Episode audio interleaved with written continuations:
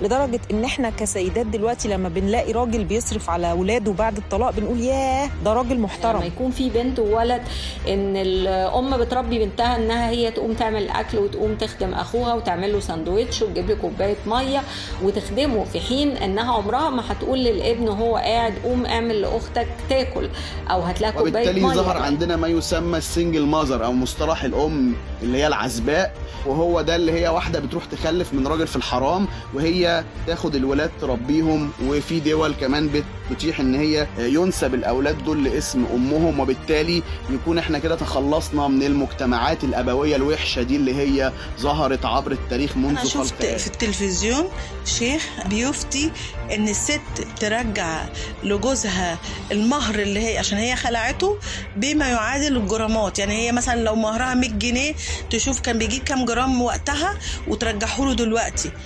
وفي نفس الوقت شفت شيخ تاني رفض إن الزوجة اللي جوزها طلقها إن هي تاخد المؤخر بتاعها بالجرامات لأن هو كتبه لها بالجنيهات. هذا الحكم الفقهي القائم على العرف يصلح فقط لزمن وعصر ومكان الفقيه. إحنا بنناضل بحقنا كنساء علشان إحنا عايزين نطالب بالمساواة بيننا وبين الرجل. لأن الموضوع بالظبط شبيه بفكرة العنصرية ضد اللون. ملوش أي أساس من الصحة ولا من المنطق هم أساسا اللي عندهم هيمنة وهم اللي متحكمين فينا أصلا يعني. لما الدور يا جدعان. هيمنة ذكورية في مصر والمجتمع العربي ده هم اللي ماسكين الليلة بعد سطوة الإعلام في مصر. النسوية خلاص إحنا هنقلع وكلنا هنمشي عريانين وكلنا هنعمل علاقات محرمة وكلنا كلنا هنمشي نتخانق مع الرجالة وكل الكلام ده والكلام ده كله غلط.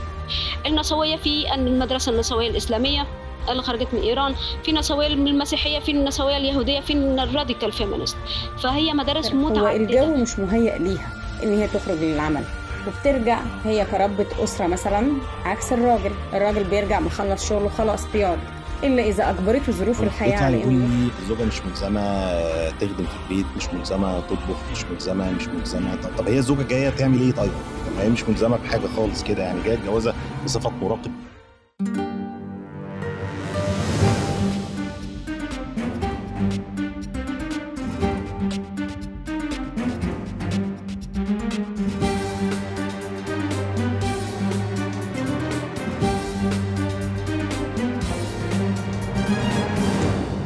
ضجيج وسجالات وترندات حوالينا كتير مستمرة حول الفيمينيزم أو النسوية وحركات حقوق المرأة.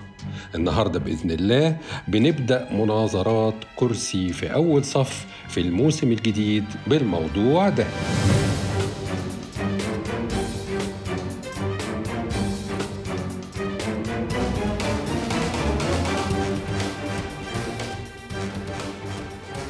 في مناظرتنا النهاردة عشر ضيوف اخترناهم من خلفيات وتوجهات متنوعة لكن بيجمعهم إن كلهم شبهنا عايشين في مجتمعاتنا وظروفنا متربيين على نفس موروثاتنا وعاشوا في بيئتنا وعايشوا نفس مشاكلنا ولهم نفس تطلعاتنا وأحلامنا. لكن بالتأكيد مختلفين عن بعضهم في الآراء وطريقة التناول والتفكير ووجهات النظر. والزوايا اللي بيقيموا بيها الموضوع. ده بالتحديد اللي هيبقى ممتع جدا ومفيد للغاية في المناظرة دي. تعالوا بينا نتعرف على ضيوفنا وهيقولوا لنا برضو ما إذا كانت خلفيتهم لها علاقة بموضوع الحلقة. السيدة صفاء الزفتاوي. بسم الله الرحمن الرحيم. أهلا وسهلا بالمستمعين والمستمعات من الأفاضل والفضليات اللي بيسمعوا البودكاست النهارده. أحب أعرف نفسي للناس اللي ما يعرفونيش. أنا معلمة ومدربة للمعلمين في مجال اللغة العربية والدراسات الإسلامية والدراسات التربوية. كمان أنا مهتمة كثيرا بقضايا المرأة العربية اجتماعيا ونفسيا ودينيا وبشؤون المرأة والطفل بصفة عامة. من ضمن الدراسات اللي قمت بها في مرحلة الماجستير في الدراسات الإسلامية المعاصرة كانت مجموعة من الأبحاث الخاصة بقضايا المرأة. مثلا في مجال الاقتصاد الإسلامي قمت بعمل بحث عن أوقاف النساء في التاريخ الإسلامي وكيف أن المرأة ساهمت بدور كبير جدا بالأوقاف وبالأموال ده غير طبعا بالعلم. يعني كان هناك الكثير من العالمات يعني والفقيهات. في كل المجالات ولكن لا يذكر التاريخ دائما إلا الرجال المشهورين. دكتورة مها خليفة؟ أحب أعرفكم بنفسي أنا مها خليفة طبيبة أخصائية تغذية علاجية وصحة عامة مقيمة في القاهرة في جمهورية مصر العربية. بحيي كل مستمعي بودكاست كرسي في أول صف والمتابعين لينا النهاردة.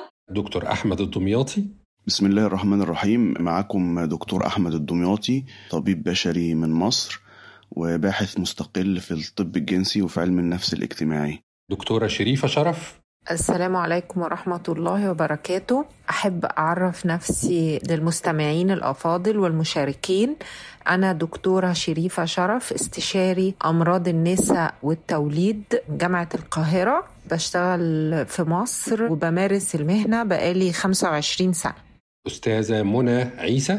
منى عيسى ربة منزل مواليد القاهرة أصلا من أسوان من الأسباب اللي مخليني إن أنا أؤيد المرأة وحقوقها من اللي بشوفه حواليا واللي بسمعه وبالذات في آخر خمس سنين فتحت مشروع تفصيل فستات كتيرة بتجيلي فبتحكي لي عن معاناتها في حياتها وعيشتها أستاذ وليد الفرماوي. السلام عليكم.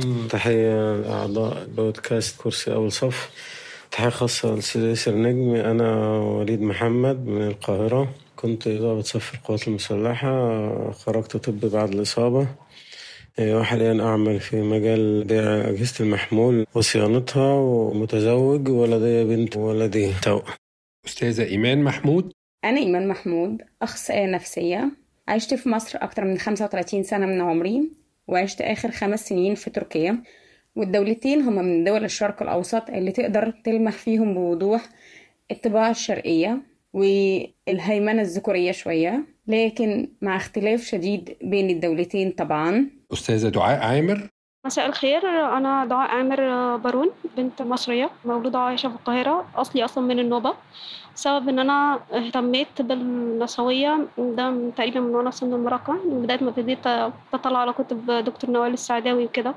بجانب يعني الأمور اللي أنا كنت فيها حاجات كتير بشوفها زي مثلا الختان كنت بشوف بنات ما بتتعلمش كنت بشوف في امتيازات بتمنح للذكر بس لأنه هو ذكر مش أكتر فكنا أنا ممكن أكون أفضل وأحق منه. في حاجات كتير جدا يعني. فبسبب الاضطهاد المجتمعي اللي كنت بشوفه طول الوقت مش شرط يكون بيحصل لي ممكن كان بيحصل لناس أنا أعرفها. فده سبب اللي خلاني أهتم وابتديت أقرأ عن الفيمينيزم وابتديت أقرأ أكتر دكتور نوال السعداوي وأنا بشوفها إن هي مثل الأعلى. أستاذ أحمد حشيش. أنا اسمي بالكامل أحمد محمد طه حشيش سن 34 سنة من القاهرة ومتجوز الحمد لله. أستاذة رغدة عصام. معاكم رغدة عصام كاتبة ومؤسسة دار نشر سابقة دار الكتابة تجمعنا ومدربة دورات كتابة إلى جانب إن أنا life coach وقارئة طبعا في مجال ال feminism وقارئة بوجه عام يعني.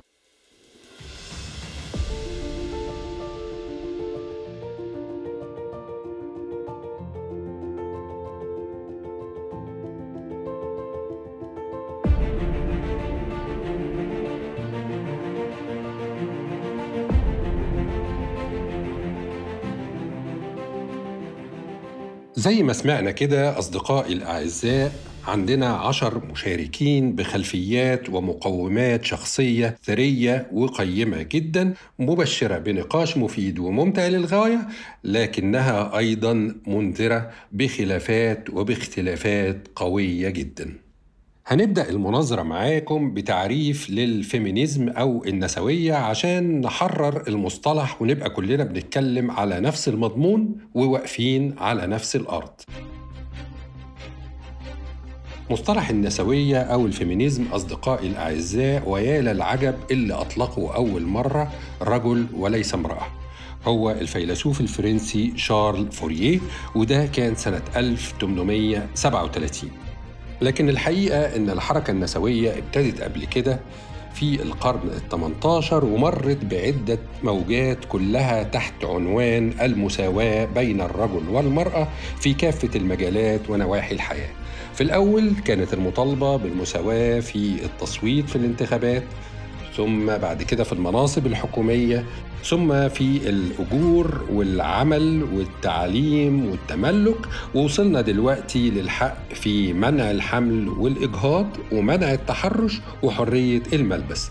طبعا في تفريعات وتعقيدات كتير في الحركة النسوية لكن هنكتفي بهذا القدر من طرفي ونسيب عجلة الحوار تدور بين ضيوفنا النهارده.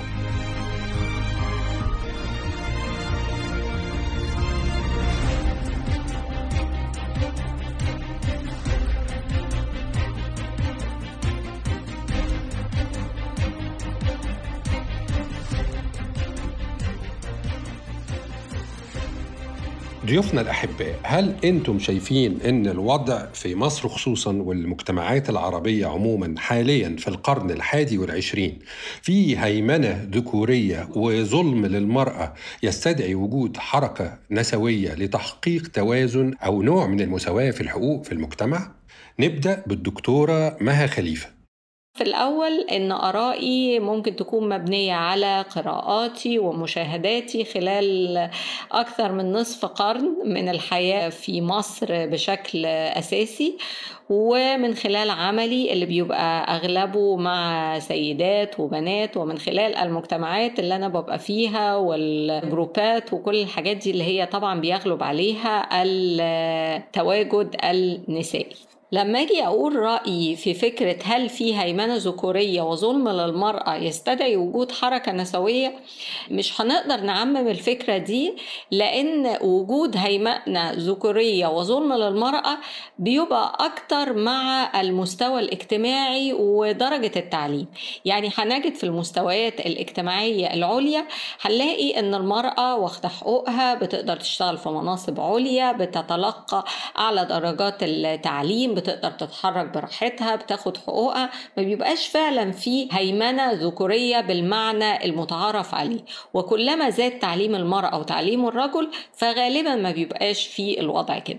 ولكن في وجود الفقر ومع قلة التعليم وضعفه والناس دي تبقى موجودة في السلم الاجتماعي الطبقة المتوسطة السفلى والطبقة الدونية من المجتمع هنلاقي الهيمنة الذكورية دي موجودة بشكل كبير جدا. وخصوصا في الأرياف وفي الصعيد وبنلاقي إن المرأة مثلا بتتحرم من الميراث لو الميراث ده أملاك أو أراضي بحجة إن ما ينفعش الأرض أو الحاجات دي تروح لحد غريب. هنلاقي إن ملهاش الحق قوي في التعليم اللي هي بتتمناه لنفسها. ولو هتتعلم هتتعلم لحد ليفل معين ولازم تتجوز بعد كده. وغالبا لازم الزواج يكون باختيار الأهل قبل ما يكون اختيارها. محطوط عليها قيود كتيرة جدا في الحركة وفي التفكير وفي حاجات كتير جدا. دكتورة شريفة شرف رأيك إيه؟ بالنسبة لمجتمعاتنا إحنا فطبعا أنا طبيبة أمراض نساء وولادة ومختلطة بالعائلات والأسر وشايفة إن إحنا عندنا في مصر لسه الوضع سيء للغاية. طبعا في فروقات ما بين المستويات الاجتماعية ولكن تظل حتى في أعلى المستويات في مشكلة. في مشكلة في الورث الكلام ده طبعا موروثات. العمل طبعا أي شركة بتفضل إنها تشغل رجالة عن السيدات. المشاكل طبعا اللي بتحصل رغم إن إحنا عندنا قانون الأسرة والكلام ده كله ولكن لغاية دلوقتي السيدات بعد الطلاق بتجد صعوبة إنها تاخد حقوقها النفقة ونفقة أولادها لدرجة إن إحنا كسيدات دلوقتي لما بنلاقي راجل بيصرف على أولاده بعد الطلاق بنقول ياه ده راجل محترم. ودايما أنا بقول كتير جدا لو كل المجتمع نبذ الراجل اللي ما بيصرفش على أولاده بعد الطلاق ده أو ما بيكونش موجود في حياتهم المفروض إن إحنا كلنا نبتعد عنه بحيث إن الموضوع ده يبطل.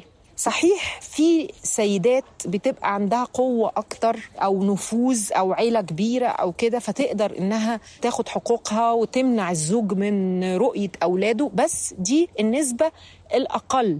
الحقيقة إن النسبة الكبيرة إن الست بعد ما بتطلق بتحتاس بولادها.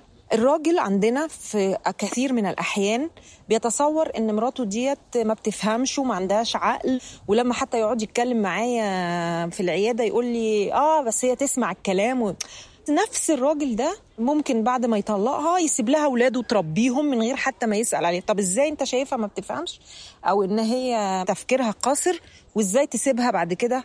إنها تربي أولادك. طبعا غير الاعتداءات الجسدية والاعتداءات اللفظية اللي حتى لو أنت حد شاف راجل بيضرب مراته في الشارع يقول مالكش دعوة دي مراته. يعني إيه مراته؟ يعني وشاهدنا وقائع كتير لأزواج بتضرب زوجاتها ومفيش حد بيتدخل بدعوة إن دي مراته وملناش دعوة بيها. أستاذة دعاء عامر. أعتقد أكيد أكيد. حضرتك لو جيت بصيت في الفترة الأخيرة كمية الجرائم اللي حصلت في حق بنات كتير بسبب الهيمنة الذكورية هتلاقيها سبب أدعى للازم إن الحركة النسوية تاخد حيز ولازم إن الحركة النسوية يكون ليها شغل فعلي على الأرض. يعني وجود الحركة النسوية لازم تكون موجوده عشان تحقق التوازن أو تحقق مش هقول نوع من المساواة لأن مطالب الحركه النسوية مش نوع من المساواة هي بتطالب بالمساواة. أستاذة إيمان محمود. لو قلنا إن الوضع في مصر والدول العربية يستدعي وجود حركة نسوية أكيد لأن المرأة في مصر بالذات الدولة اللي أنا عشت فيها تتعرض لكتير من المشاكل وحقوقها تكاد تكون منهوبة تتعرض لتعجيز واضح فده يخلينا نقول إن إحنا محتاجين لحركات تقدر تحصل للمرأة على حقوقها وتقدر توصل للدولة إن إحنا محتاجين الحقوق دي في صورة قانون لأن القانون دايما هو اللي بيقدر يحمي الإنسان أستاذة صفاء الزفتاوي حضرتك ليكي رأي مهم إن في ظلم فقهي واقع على المرأة ممكن حضرتك تشرحي للأصدقاء المستمعين ما هي هذا الظلم وكيف وقع؟ العرف كمصدر من مصادر التشريع الإسلامي أثر بشكل كبير في الأحكام الفقهية التي كانت تؤخذ من الأعراف والتقاليد المتبعة في زمن وعصر ومكان الفقيه الذي يعني يفتي بهذه الأحكام أو يقر بها. وأثر ذلك بشكل كبير على الكثير من القضايا الاجتماعية والسياسية والاقتصادية وقضايا المعاملات ومنها قضايا المرأة والطفل. فالكثير من القضايا الاجتماعية وخاصة المتعلقة بالمرأة أثرت فيها الأحكام الفقهية العرفية بشكل كبير يعني يحق لي ولغيري ولكثير من الباحثين أن نقول بشكل سلبي لأن هناك الكثير من العادات والتقاليد التي لم يرد فيها لا تحليل ولا تحريم بنص قطعي لا في القرآن ولا في السنة الصحيحة. ومع ذلك تم إقرارها وإدخالها في الدين بوضع أحكام فقهية لهذه الحالات أو الموضوعات وبناء عليه بما أن هناك حاكم أو قاض شرعي أو فقيه تحدث وتكلم في مسألة معينة ووضع لها حكما فقهيا مستمدا من الفهم الخاص بالفقيه ومستمدا من الواقع الذي يعيش فيه هذا الفقيه ولا نسيء الظن. يعني أنا لست من الأشخاص الذين يتهمون الفقهاء ولا رجال الدين بالسوء إطلاقا ولكن نحترم كل فقيه قدم علما يناسب زمنه وعصره ومكانه لأن الفقه صناعة بشرية. دائما أنا أقول أن الفقه هو فهم الفقيه للدليل الشرعي في ضوء ما وصله من العلم. سواء العلم الدنيوي أو العلم الشرعي والأدلة المختلفة التي تعضد هذا الدليل وتقويه أو تضاعفه. كذلك الفقيه يعيش في بيئة هذه البيئة فيها أعراف وتقاليد وظروف سياسية واقتصادية واجتماعية مختلفة ومتعددة. فعندما يصدر الفقيه حكما معتمدا فيه على العرف بما أنه أحد مصادر التشريع كما وضعه الأصوليون أو الذين يضعون أصول الفقه من العلماء فهذا الحكم الفقهي القائم على العرف يصلح فقط لزمن وعصر ومكان الفقيه. حتى أنه في نفس الزمن والعصر قد يغير مكانه فيتغير الحكم الفقهي ومشهور طبعا بعض الأحكام الفقهية التي غيرها الإمام الشافعي عندما انتقل من العراق إلى مصر. بحكم أن البيئة في مصر مختلفة والظروف الاجتماعية والسياسية وغيرها مختلفة فكان ولا بد أن يغير بعض الأحكام الفقهية المعتمدة على العرف.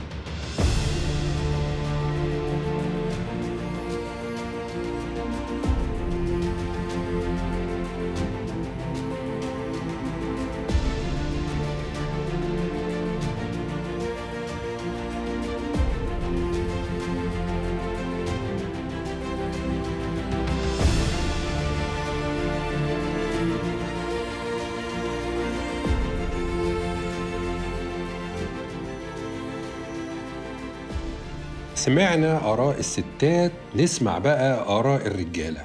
هل مجتمعاتنا تعاني من هيمنة ذكورية وظلم للمرأة يستدعي وجود حركة نسوية؟ دكتور أحمد الدمياطي.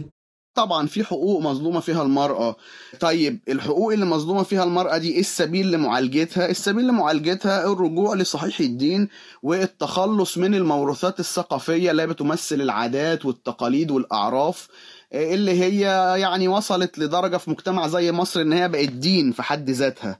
ولكن لو رجعنا لصحيح الدين هنلاقي إن إحنا كمان عندنا مفهوم أفضل من مفهوم المساواة وهو مفهوم العدل.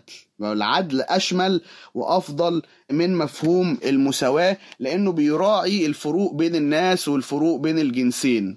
طب المظالم أو المشاكل اللي هي ممكن تكون بتتعرض لها المرأة كمرأة يعني بناء على جنسها وليس مشكلة إنسانية عامة. لأن بعض المشاكل بتكون مشاكل مش حقيقية. يعني بيكون هو الراجل والمرأة مصدومين في أشياء في المجتمع نتيجة أفكار معينة في المجتمع أو حتى نتيجة وضع عام للدولة اللي هم عايشين فيها.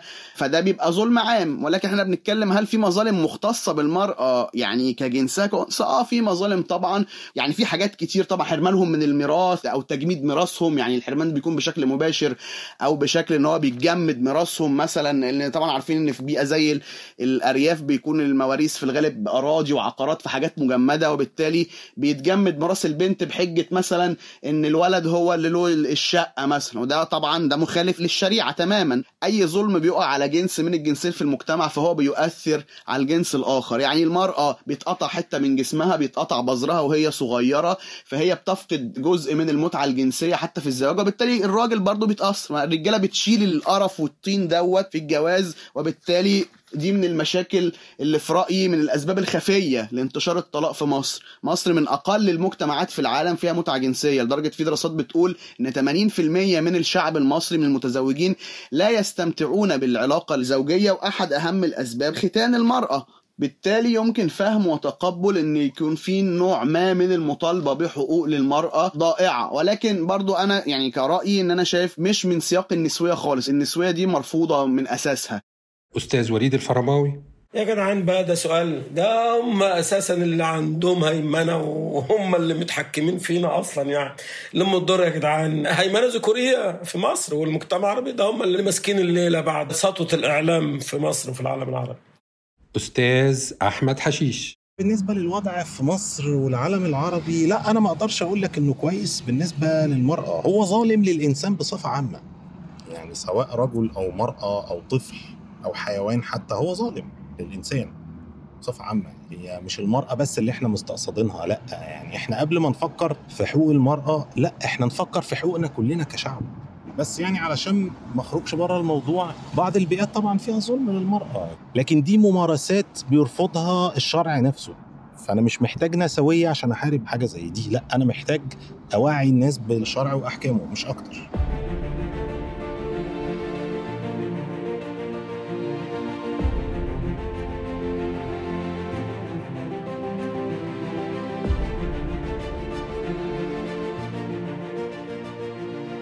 طيب فيما عدا الأستاذ وليد الفرماوي في اتفاق بين باقي المشاركين إن المرأة مظلومة في مجتمعاتنا. الأستاذ وليد رأيه إنها مش مظلومة ولا حاجة لكن الرجال حتى اللي متفقين إن المرأة مظلومة في مجتمعاتنا رافضين برضو الحركة النسوية كحل للظلم ده. طيب خلونا الأول نشوف تعريف كل واحد للنسوية اللي بناء عليه حدد موقفه منها. ممكن الخلاف يكون جاي من عدم اتفاق على التعريف والمفهوم أساساً. أستاذة رغدة عصام إيه تعريفك للنسوية اللي بناء عليه حددتي موقفك منها؟ ما هي إلا محاولة ومحاولة يعني قد تكون نجحت بشكل كبير جدا في بعض أجزائها من النساء إن هي تناضل بحقها في المساواة بينها وبين الرجل وتمنع التفرقة العنصرية زيها بالظبط زي رفض التفرقة العنصرية بين البيض والسود. لاعتقاد برضو الناس إن الناس السود عندهم القدرة على القيام بمهام معينة والبيض هما الناس اللي المفروض في الطبقة الأرستقراطية اللي المفروض الناس تقعد تخدمهم وتوفر لهم كافة سبل الراحة. وده بس باعتبار إن أنت لون بشرتك مختلف عني. وده برضو اللي خلاهم إن هم يطلعوا بيانات وهي أصلا يعني غير منطقية وخالية من الصحة. بتثبت إن الناس السمر هم عندهم قدرة بدنية هائلة ودي اللي وضعها فيهم ربنا علشان يخليهم عندهم القدرة دي على إن هم يخدموا الناس الأعلى منهم طبعا اللي هم البيض. ودي أفكار يعني غير منطقية تماما. بعضها ممكن يكون أبحاث اتعملت ولكن في الواقع دي حاجات مش علمية ومش منطقية وقدرنا نثبت ده. ما ننكرش إن لحد دلوقتي في عنصرية وتنمر تجاه الناس أصحاب البشرة السمراء ولكن يعني الموضوع اتحل بشكل كبير جدا عن زمان يعني. فهي تقريبا نفس الفكرة. إحنا بنناضل بحقنا كنساء علشان إحنا عايزين نطالب بالمساواة بيننا وبين الرجل. لأن الموضوع بالظبط شبيه بفكرة العنصرية ضد اللون. ملوش أي أساس من الصحة ولا من المنطق. ومستحيل إن ربنا هيخلق حد يكون ما عندوش القدرة الكافية على إن هو يواكب الجنس الآخر. وبرضه بنفس المنطق. إزاي هيخلق الذكر للأنثى أو الأنثى للذكر أو إن الاتنين يكونوا مخلوقين لبعض عشان يتكاثروا ويكونوا أسرة وحد فيهم أضعف من التاني أو حد فيهم مهيمن أو مسيطر على الآخر. فدي بصراحة فكرة بالنسبة لي مش منطقية تماما. أكيد أنا مع فكرة النسوية ومش بس فكرة النسوية فكرة المساواة بين كافة أفراد المجتمع. أعتقد لو كانوا الرجالة هم اللي بيتعرضوا للظلم ده أنا كنت برضه هقف وهناضل رغم كوني ست ومش من نفس الجنس بتاع الراجل ولكن أنا يعني مع فكرة المساواة دايما. أنا هو ممكن أكون من أصحاب البشرة البيضاء ولكن كنت واحدة من ضمن الناس اللي معترضين جدا على فكرة إن إحنا نكون عنصريين ضد أصحاب البشرة السمراء. وطول الوقت بنادي يا جماعة لا للتنمر يا جماعة ما ينفعش كذا يا جماعة ما ينفعش كذا. sharing posts مثلا أو بنشر يعني ثقافات توعوية تجاه ذلك الموضوع بوعي أقرب الناس ليا. بحاول بقدر الإمكان كبير إن أنا أوصل صوتي بكل الطرق المتاحة ليا وده لأن أنا رافضة فكرة العنصرية أو التفرقة بين أي حد والتاني. مش مسألة إن أنا منحازة لجنس النساء لأني واحدة منهم ولكن مسألة إن أنا في المطلق بنحاز لفكرة المساواة. أنا مع فكرة إن الناس كلها تكون واخدة كافه حقوقها وإن ما يكونش في حد مظلوم أو مضطهد أو حد واخد حق من حقوق حد تاني. الأستاذة منى عيسى. بالنسبة لتعريف الحركة النسوية إنها بتقف مع المرأة بالذات لو في ممارسة عنف ضدها وظلم في ميراثها أو عنصرية لو كونها امرأة فبيستضعفوها. موقفي من الحركة إني مؤيداها طالما لا تتطرف في أهدافها. دكتورة شريفة واضح طبعا إنك مؤيدة للنسوية. طبعا موقفي من النسوية أنا مؤيدة للنسوية جدا لأني زي ما قلت حقوق السيدات مهدرة في كثير من الأحوال.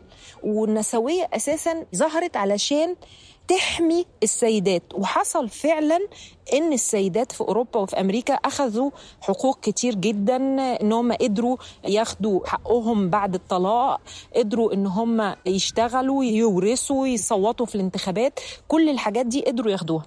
أستاذة دعاء عامر إيه هو تعريفك للنسوية وموقفك منها؟ تعريفي للحركة النسوية ببساطة شديدة هي المساواة ما بين الرجل والمرأة في الحقوق والواجبات الاتنين مع بعض الحقوق والواجبات.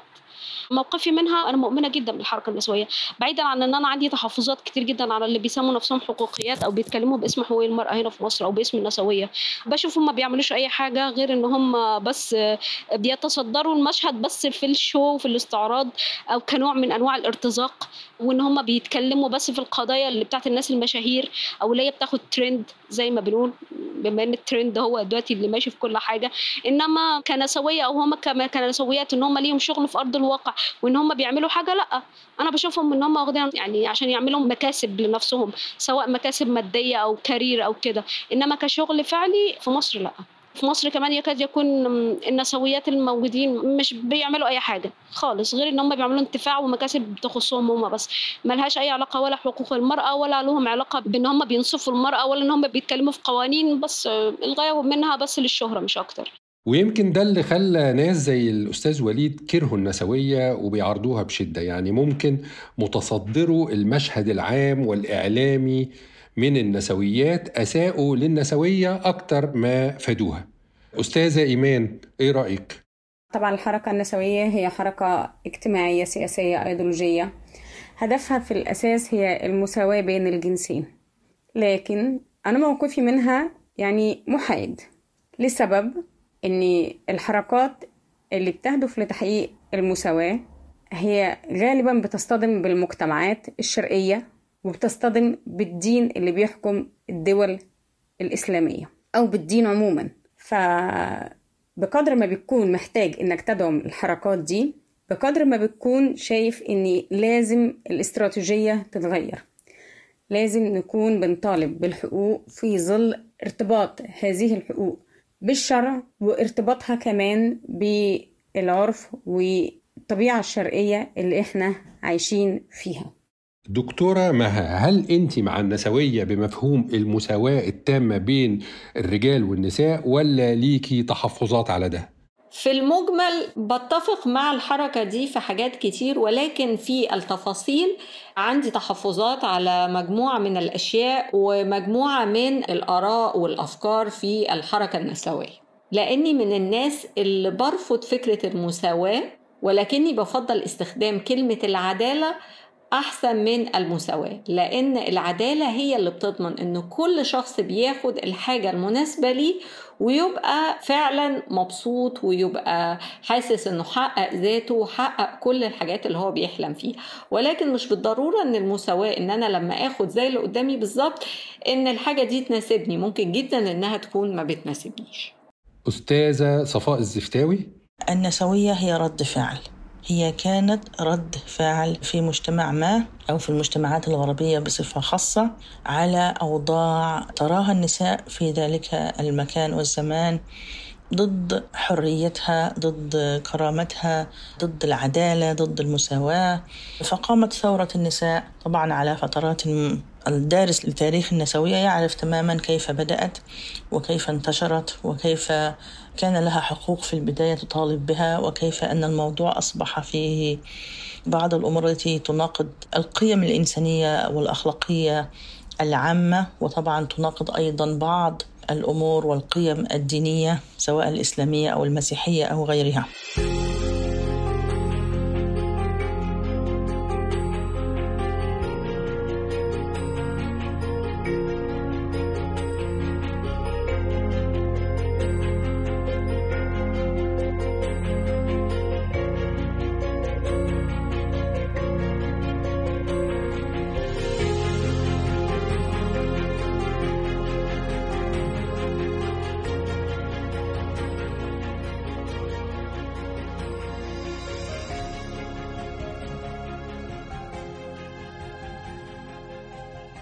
دكتور أحمد الدمياطي إيه هو تعريفك للنسوية وليه أنت ضدها؟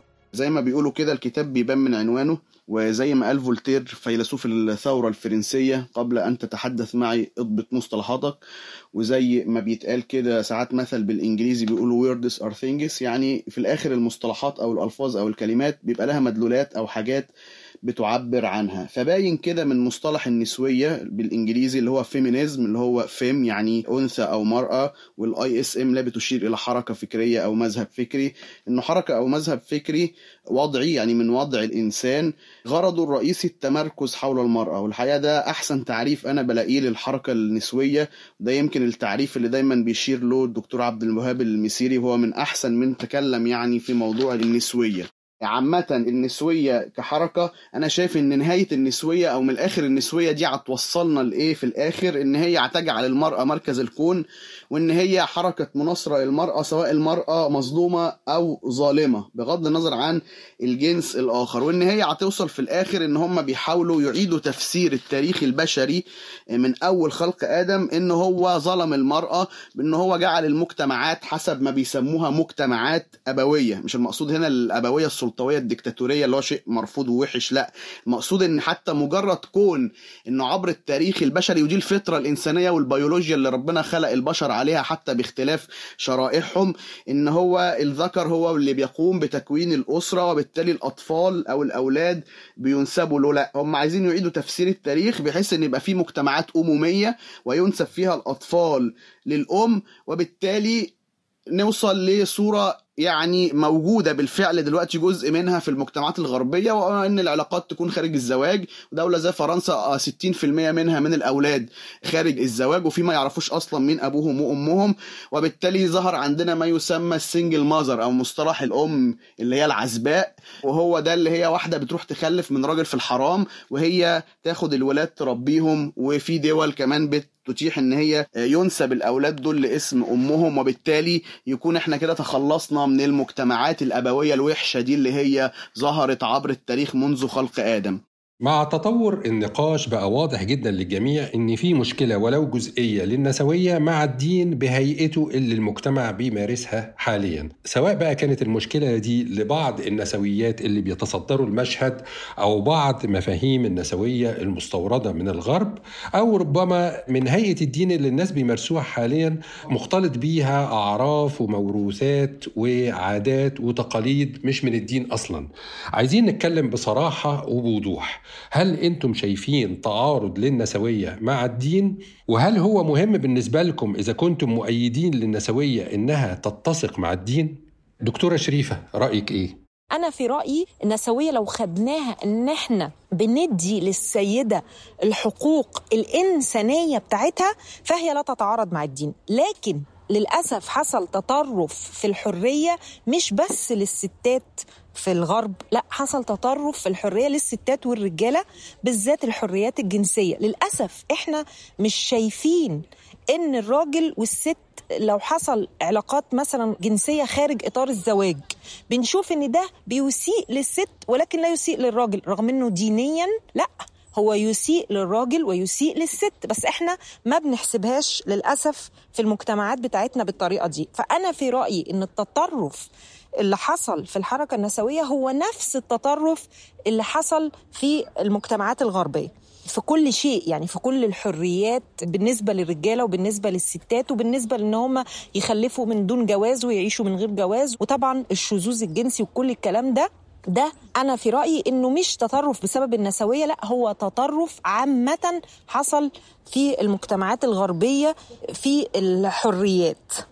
طبعا مهم إن الحركة النسوية أو حقوق المرأة تكون متوافقة مع الدين ده رأيي. أنا شايفة كده وأنا مش شايفة ابدا إن الحقوق اللي إحنا بنتكلم فيها تتعارض مع الدين. يعني حقوق إن هي تاخد حقها في الشغل تاخد حقها في التصويت في الانتخابات تاخد حقها في الورث ده يتعارض مع الدين في إيه؟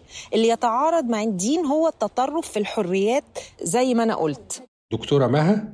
النسوية ممكن طبعا تتعارض مع الدين لأنها بتنادي بالمساواة. والدين عموما بينادي بالعدالة بين الجنسين لأن ربنا سبحانه وتعالى لما خلق الرجل والمرأة عارف إن في اختلافات وبالتالي لما حط لكل واحد فيهم حقوق الحقوق دي بتتناسب مع تكوينهم ومع احتياجاتهم ومع اللي يقدروا يعملوه.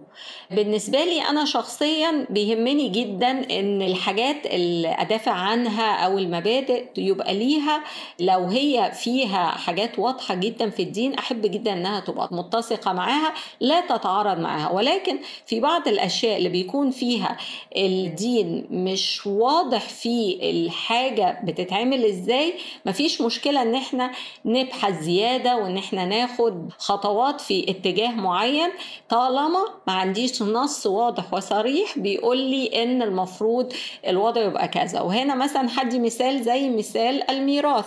فلو إحنا اتكلمنا من وجهة نظر النسوية فالمفروض المرأة تبقى مماثلة للرجل تماما في الميراث.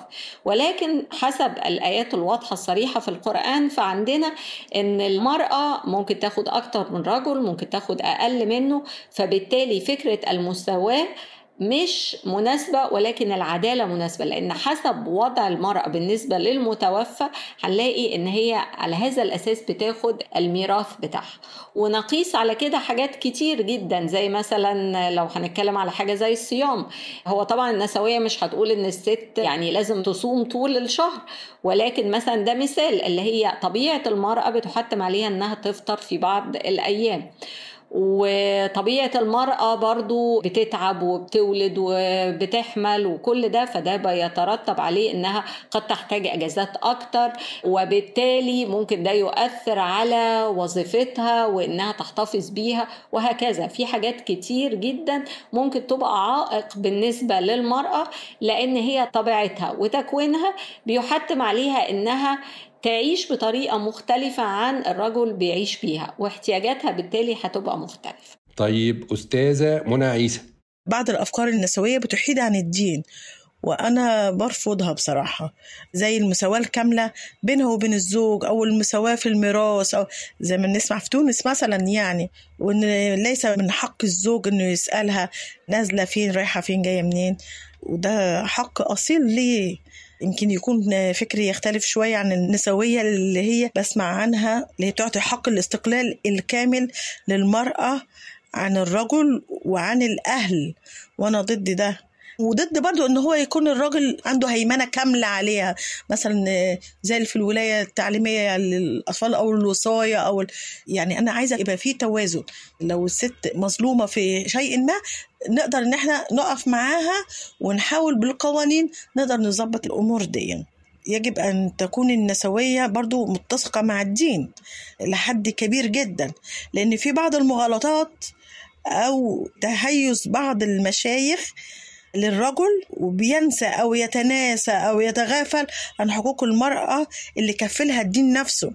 ومثال بسيط أنا شفت في التلفزيون شيخ بيفتي إن الست ترجع لجوزها المهر اللي هي عشان هي خلعته بما يعادل الجرامات. يعني هي مثلا لو مهرها 100 جنيه تشوف كان بيجيب كام جرام وقتها وترجعه له دلوقتي. وفي نفس الوقت شفت شيخ تاني رفض إن الزوجة اللي جوزها طلقها إن هي تاخد المؤخر بتاعها بالجرامات لأن هو كتبه لها بالجنيهات. فقالت له طب ده من سنين ده 500 جنيه المؤخر بتاعي ما يعملوش حاجة. قال لها لا لا هو خلاص كده ما ينفعش. فإزاي يعني هم في تناقض في الفتوى بتاعتهم؟ بالنسبة للراجل يديله الحق إن هو ياخد بالجرامات بالنسبة للست لا لا لا ده كفاية عليك ال 500 جنيه ده أنت فضل وعدل من عند ربنا. قيس على هذا بقى أغلب الأحكام والفتاوي؟ أستاذة دعاء عامر؟ النسوية مش بتتعارض مع الدين لأن النسوية هي مدارس وأيديولوجيات كتير جدا. هي المشكلة كلها إن الناس فاكرة النسوية هي مدرسة واحدة بس أو إن هي بتتكلم من منطلق واحد بس. اللي هو النسوية خلاص إحنا هنقلع وكلنا هنمشي عريانين وكلنا هنعمل علاقات محرمة وكلنا هنمشي نتخانق مع الرجالة وكل الكلام ده والكلام ده كله غلط. النسوية في أن المدرسة النسوية الإسلامية اللي خرجت من إيران في نسوية المسيحية في النسويه اليهودية في الراديكال فيمينست. فهي مدارس متعددة وكل مدرسة فيهم بتمشي بناء على الدين أو المعتقد اللي هي بتنتهجه. النسوية الإسلامية خارجة من دولة مسلمة فبتتكلم بناء على معايير الدين الإسلامي والمسيحية كذلك واليهودية كذلك. هي مهمة إن هي تكون متسقة مع الدين أعتقد إن هي هتكون مهمة طبعا. يعني لما أنا أجي أتكلم باسم النسوية مثلا في بلد زي مصر وأجي مثلا أقول للبنات اعملوا واعملوا حاجات كلها منافية للدين فطبيعي المجتمع هيخاف وطبيعي المجتمع هيتخض. ودي خطأ من الأخطاء اللي قاموا بيه اللي بيتكلموا باسم النسوية في مصر إن هم لما بداية ما ابتدوا يتكلموا اتكلموا في حاجات يعني مش عارفة أقول إيه حاجات مهمة وكل حاجة بس سابوا الأهم ورايحين يمسكوا في الحاجات اللي يعني أنتوا سايبين تعليم البنات البنات اللي ما بتتعلمش بس عشان هي بنت البنات اللي ما بتاخدش ميراث عشان هي بنت البنات اللي هي بتتختن البنات اللي هي بتتجوز زواج القاصرات سايبين كل ده ورايحين تتكلموا في ازاله شعر الرجل والمش عارف وإن العلاقات مش عارفة إيه والمساكنة والكلام ده كله. فهو مع الأسف إن بداية لما ابتدت الحركة النسويه بعد ثورة يناير تحديدا أما ابتدت يعني تتحط بعين الاعتبار وتبقى تحت الميكروسكوب اللي طلعوا اتكلموا ما تكلموش في القضايا اللي فعلا بتعني المرأة اللي هي تخص كل ست أو ستات كتير وليها تأثير كبير جدا في حياتها. اتكلموا في الحاجات اللي هي ملهاش أي تأثير اللي هو البنت ممكن تعملها أو ما تعملهاش. أستاذة إيمان أنت في آخر إجابة ليكي كنت ابتديتي تتكلمي عن التعارض بين بعض المفاهيم النسوية والدين. السؤال ده اللي إحنا بنوجهه حاليا فرصة إن حضرتك تكملي كلامك في النقطة دي. المفروض ان إحنا لما نيجي نتكلم عن الحقوق نتكلم عليها في ظل خلفية تتناسب مع الدين الحاكم للدولة وتتناسب كمان مع الطبيعة البشرية للناس اللي عايشين فيها. إحنا مجتمعات شرقية تقبلنا للمساواة صعب. إني أساوي الرجل بالمرأة هو أمر صعب. لكن أنا أقدر بوضوح إني أنا أحصل للمرأة على حقوق تخليها تشعر بالعدالة اللي هي أحيانا أهم من المساواة. يعني إحنا لما نساوي المرأة بالرجل مثلا في العمل وتطلع المرأة للشغل من الساعة مثلا 8 للساعة 2 بعد الظهر بتتبهدل حرفيا في المواصلات. مفيش طريق آمن ليها مفيش مواصلات آمنة ليها. ونسويها في الراتب كمان ونسويها في كل شيء يعني عدد الساعات والراتب وكل شيء في العمل. لكن في الأول وفي الآخر هو الجو مش مهيأ ليها. إن هي تخرج للعمل. وبترجع هي كربة أسرة مثلا عكس الراجل. الراجل بيرجع مخلص شغله خلاص بيقعد إلا إذا أجبرته ظروف الحياة على إنه يخرج مثلا لشغل تاني. لكن على عكس المرأة بترجع بيكون عندها شغل كتير جدا في بيتها. أنا يمكن أكون حصلت لها على الحقوق إن هي بقت بتشتغل زيها زيه ونفس الراتب. لكن فين العدالة؟ لا الطريق ممهد لخروجها لا المواصلات آمنة لا الطريق آمن ولا حتى رجوعها للبيت أصبح فيه إن هي مثلا بترتاح. أنا زودت عليها أعباء رغم إني عملت مساواة. أنا مش عايزة مساواة بقدر ما أنا محتاجة إن المرأة تحصل على حقها بطريقة تحسسها بالراحة والعدالة. أستاذ أحمد حشيش. نقطة إن النسوية ممكن تتوافق مع الدين فالإجابة قولا واحدا لأ لأسباب كتير جدا. أولها ربنا بيقول وليس الذكر كالأنثى. يعني حتة المساواة دي ملغية. هل معنى كده إن في تمييز للرجل؟ لا مفيش تمييز. في وظائف لده ووظائف لده. بتكلم من الناحية الشرعية وطبعا في الناحية الشرعية بالذات في خلافات كتير والكلام بيتغير كتير. لكن دي في النهاية وجهة نظر. وفي نقطة تانية. يعني دلوقتي لو الست اتساوت بالراجل في كل شيء. طيب الكلام اللي بيتقال دايما كلام عن مساواة في الحقوق. طيب بالنسبة للواجبات يعني هل هشوف ست في مواقع البناء؟ هل هشوف ستات في ورش الميكانيكا في الصناعات المتعبة؟ لا مش هشوف. ده بغض النظر عن الاثنين ثلاثة اللي كل شوية يصوروهم وينزلوا صورهم على ال social media. يعني أنا بتكلم على الواقع ماليش دعوة بال social media. ده في حد ذاته بينسف فكرة المساواة في مقتل. فأنت ما ينفعش ست تقول لي مساواة لا أنا عايزة وزيرة عايز أقعد على مكتب مكيف وأطلع عقدي على الناس. لا هي المساواة مش كده. يعني حياة الرجالة ما هياش حياة وردية قوي دكتور أحمد الدمياطي. إحنا لو دققنا النظر وفهمنا حقيقة النسوية ويعني اللي عايزة توصل له هنلاقي إن هي منافية ومضادة تماما للإسلام بل للشرائع السماوية كلها بل حتى مضادة للحقائق البيولوجية والحقائق الخلقية والفسيولوجية التشريح ووظائف الأعضاء للفروق بين الستات والرجالة. ودي حاجات موجودة وحتى الدراسات العلمية أثبتتها ودي حتى يعني حاجات مشاهدة بالفطرة.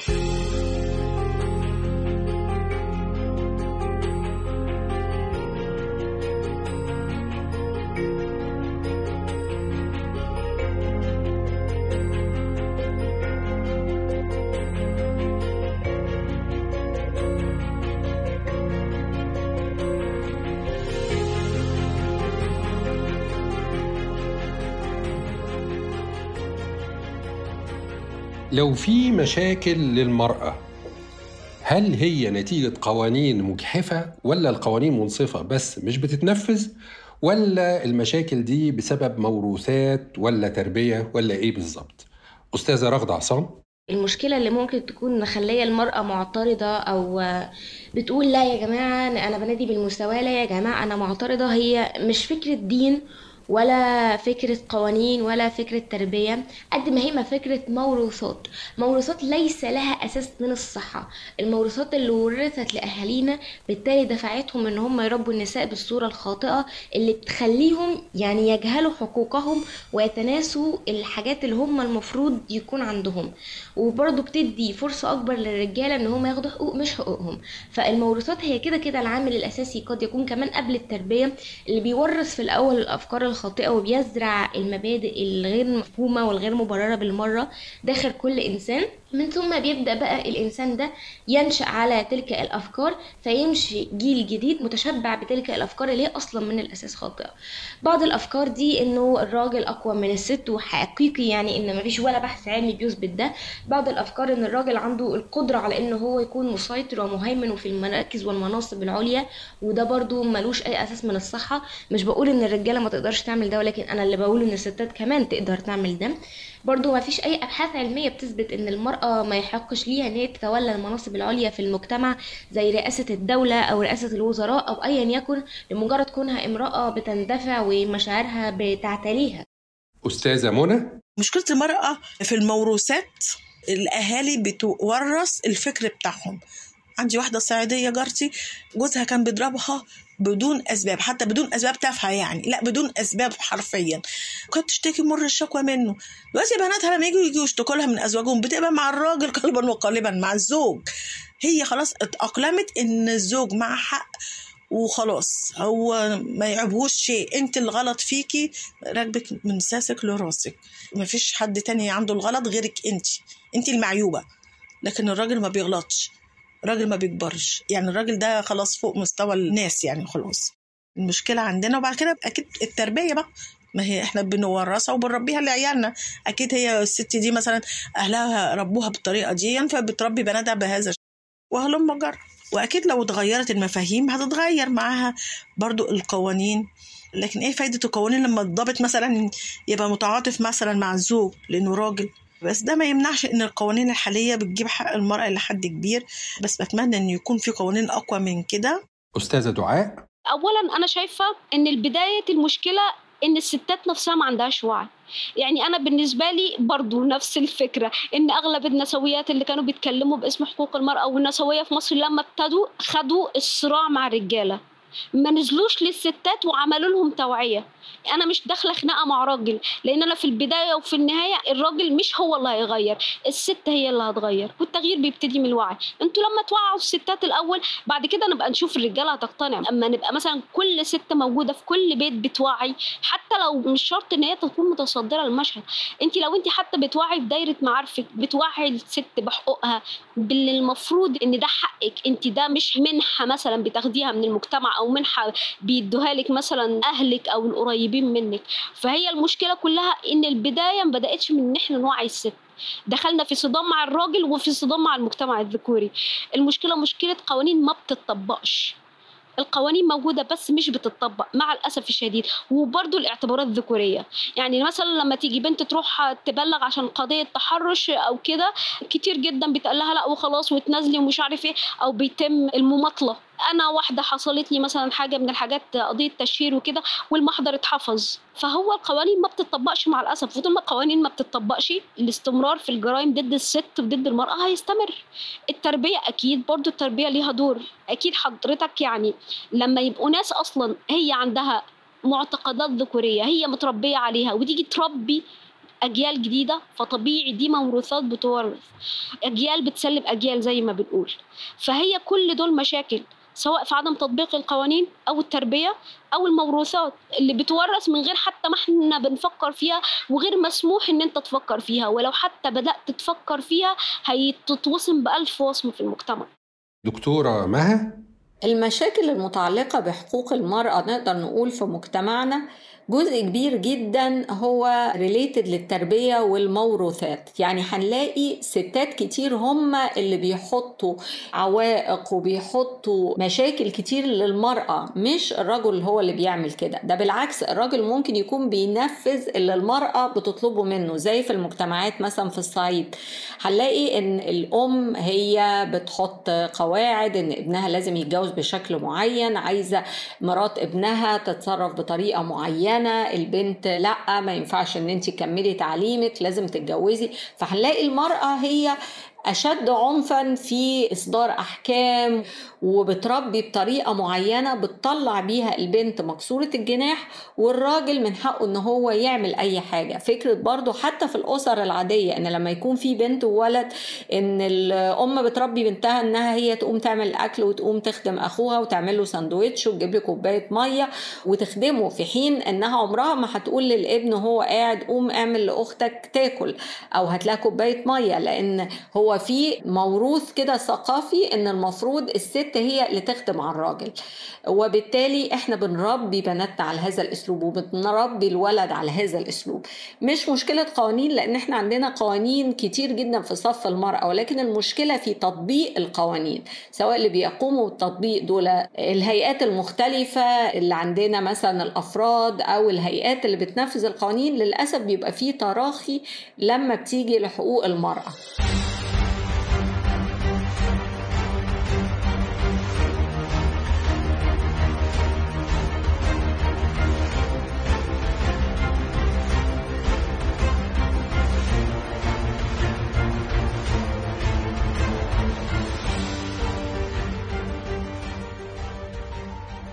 أستاذ وليد إيه رأيك في المسألة دي؟ مشكلة قوانين ولا تربية ولا موروثات؟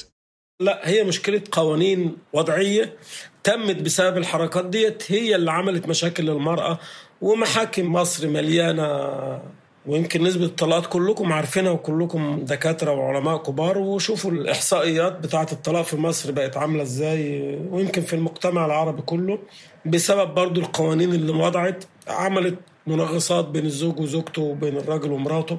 هي قوانين هي المشكلة مشكلة قوانين فعلا دكتور أحمد الدمياطي أنا شايف إن كل العوامل متضافرة أو هي مجموعة متشابكة جدا. هي موروث ثقافي طبعا بالأساس موروث ثقافي في موروث ثقافي سيء تجاه المرأة عادات زي إجبار المرأة في الزواج زي عدم تخييرها زي ختان البنات اللي بيحرمهم من حقوقهم الجنسية والجسدية حتى في الزواج اللي هو علاقة مباحة وحلال. ففي مظالم فعلا وقع على المرأة والمظالم دي سببها تضافر كل حاجة الموروثات الثقافية مع القوانين مع النظام العام مع يعني مجموعة عوامل كبيرة جدا لو بحثناها هنلاقي إن هي كلها دايرة مفرغة بتدور وفي الآخر أي ظلم بيقع على جنس من الجنسين في المجتمع فهو بيؤثر على الجنس الآخر. أستاذ أحمد حشيش؟ هي مشكلة موروثات مش مشكلة قوانين. بالعكس أنا شايف إن القوانين في الفترة الأخيرة لأ بدأت تبقى ظالمة للرجل. في موضوع في قوانين الجواز وبدأت تبقى مخالفة جدا للشرع.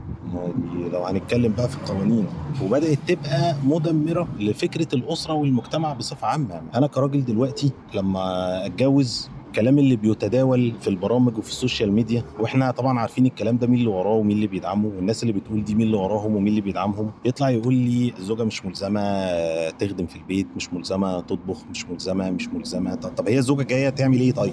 طب هي مش ملزمة بحاجة خالص كده يعني جاية الجوازه بصفة مراقب فأنا كشاب لما أسمع الاتجاه ده ولما قوانين الدولة تدعمه إيه اللي يخليني أتجوز؟ ولما هبطل أتجوز الست هي اللي هتتضرر مش الراجل. والأيام بتثبت ده. أستاذة إيمان بما إننا بنتكلم في الموروثات والتربية وكمان القوانين وبما إنك عايشة في تركيا بقالك خمس سنين يا ريت تدلي بدلوك في النقطة دي على شكل مقارنة سريعة إيه اللي شفتيه وعشتيه مختلف في تركيا؟ لو اتكلمنا عن أسباب المشكلات اللي بتتعرض ليها المرأة وإذا كانت مشكلة قوانين ولا تربية ولا موروثات هتذكر كلمة اتقالت لي هنا من حوالي خمس سنين يعني من وقت ما جيت إن الرجل التركي متعود إن هو يعامل المرأة على إنها هانم سواء كانت أمه أو أخته أو زوجته أو بنته. كل النساء عنده هو بيعملهم إنه هانم. اتربى إن دي لو أخته الكبيرة هي أبلة. اتربى على إنه بيحترمها وفي لقب قبل اسمها كمان. هي المرأة عندهم محترمة. لازم الرجل بيحترمها في كل مكان. بتلاقيه مثلا بينادي على زوجته قدام الناس أو بيعرفهم إن دي الهانم على والدته على أخته هانم. فالمشكلة حقيقة مشكلة تربية وموروثات وقوانين. القوانين هنا مثلا بتمنح المرأة حقها. هي مش مضطرة إن هي تدخل في صراعات عشان تحصل على حقوقها. في الطلاق مثلا. لا حقوقك محفوظة. وإنتي اللي لازم توافقي كمان. يعني لو ما وافقتيش خلاص مش هيتم. حتى الجواز في الزواج لو بس اتأخرت في إن هي تقول ايفت مقبول. ممكن تلاقي القاضي اللي بيكتب العقد بيقوم ويشيل الورق بتاعه خلاص لا ممكن تكون مجبرة يعني. القوانين نفسها بتحميها. قوانين وتربية وموروثات الكل بيحميها. ولذلك بنلاقي إن المرأة تشعر براحة. لأن في حاجات كتير هي بالنسبة لها واضحة. عارفة إزاي هتتعامل وعارفة إزاي هتعيش فيها.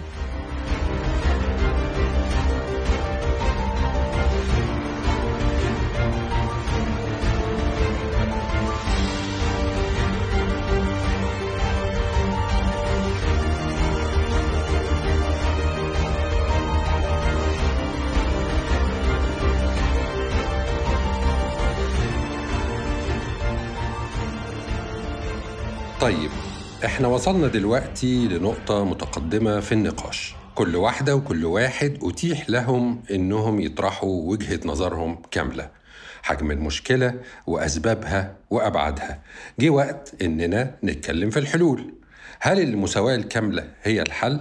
هل تولي المرأة مراكز قيادية في المجتمع وفي وضع مناهج التعليم والتشريعات وتواجدها في الإعلام والمجتمع المدني هيساعد؟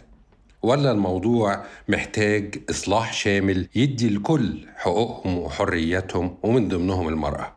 هل تنفع حلول سريعة ولا محتاجين جيلين ثلاثة أربعة؟ هل إحنا محتاجين فقه جديد ولا إعادة قراءة للفقه القديم؟ ولا نطبق الموجود بالفعل وما بيتطبقش ولا الدين ملوش علاقة بالموضوع من الأساس؟ لو في ثلاث إجراءات أو ثلاث قرارات تتاخد بكرة الصبح للتغيير الأفضل. تقترحوا إيه؟ الأسبوع الجاي إن شاء الله هنختم المناظرة دي بإجابات ضيوفنا الأعزاء. استنونا على كرسي في أول صف.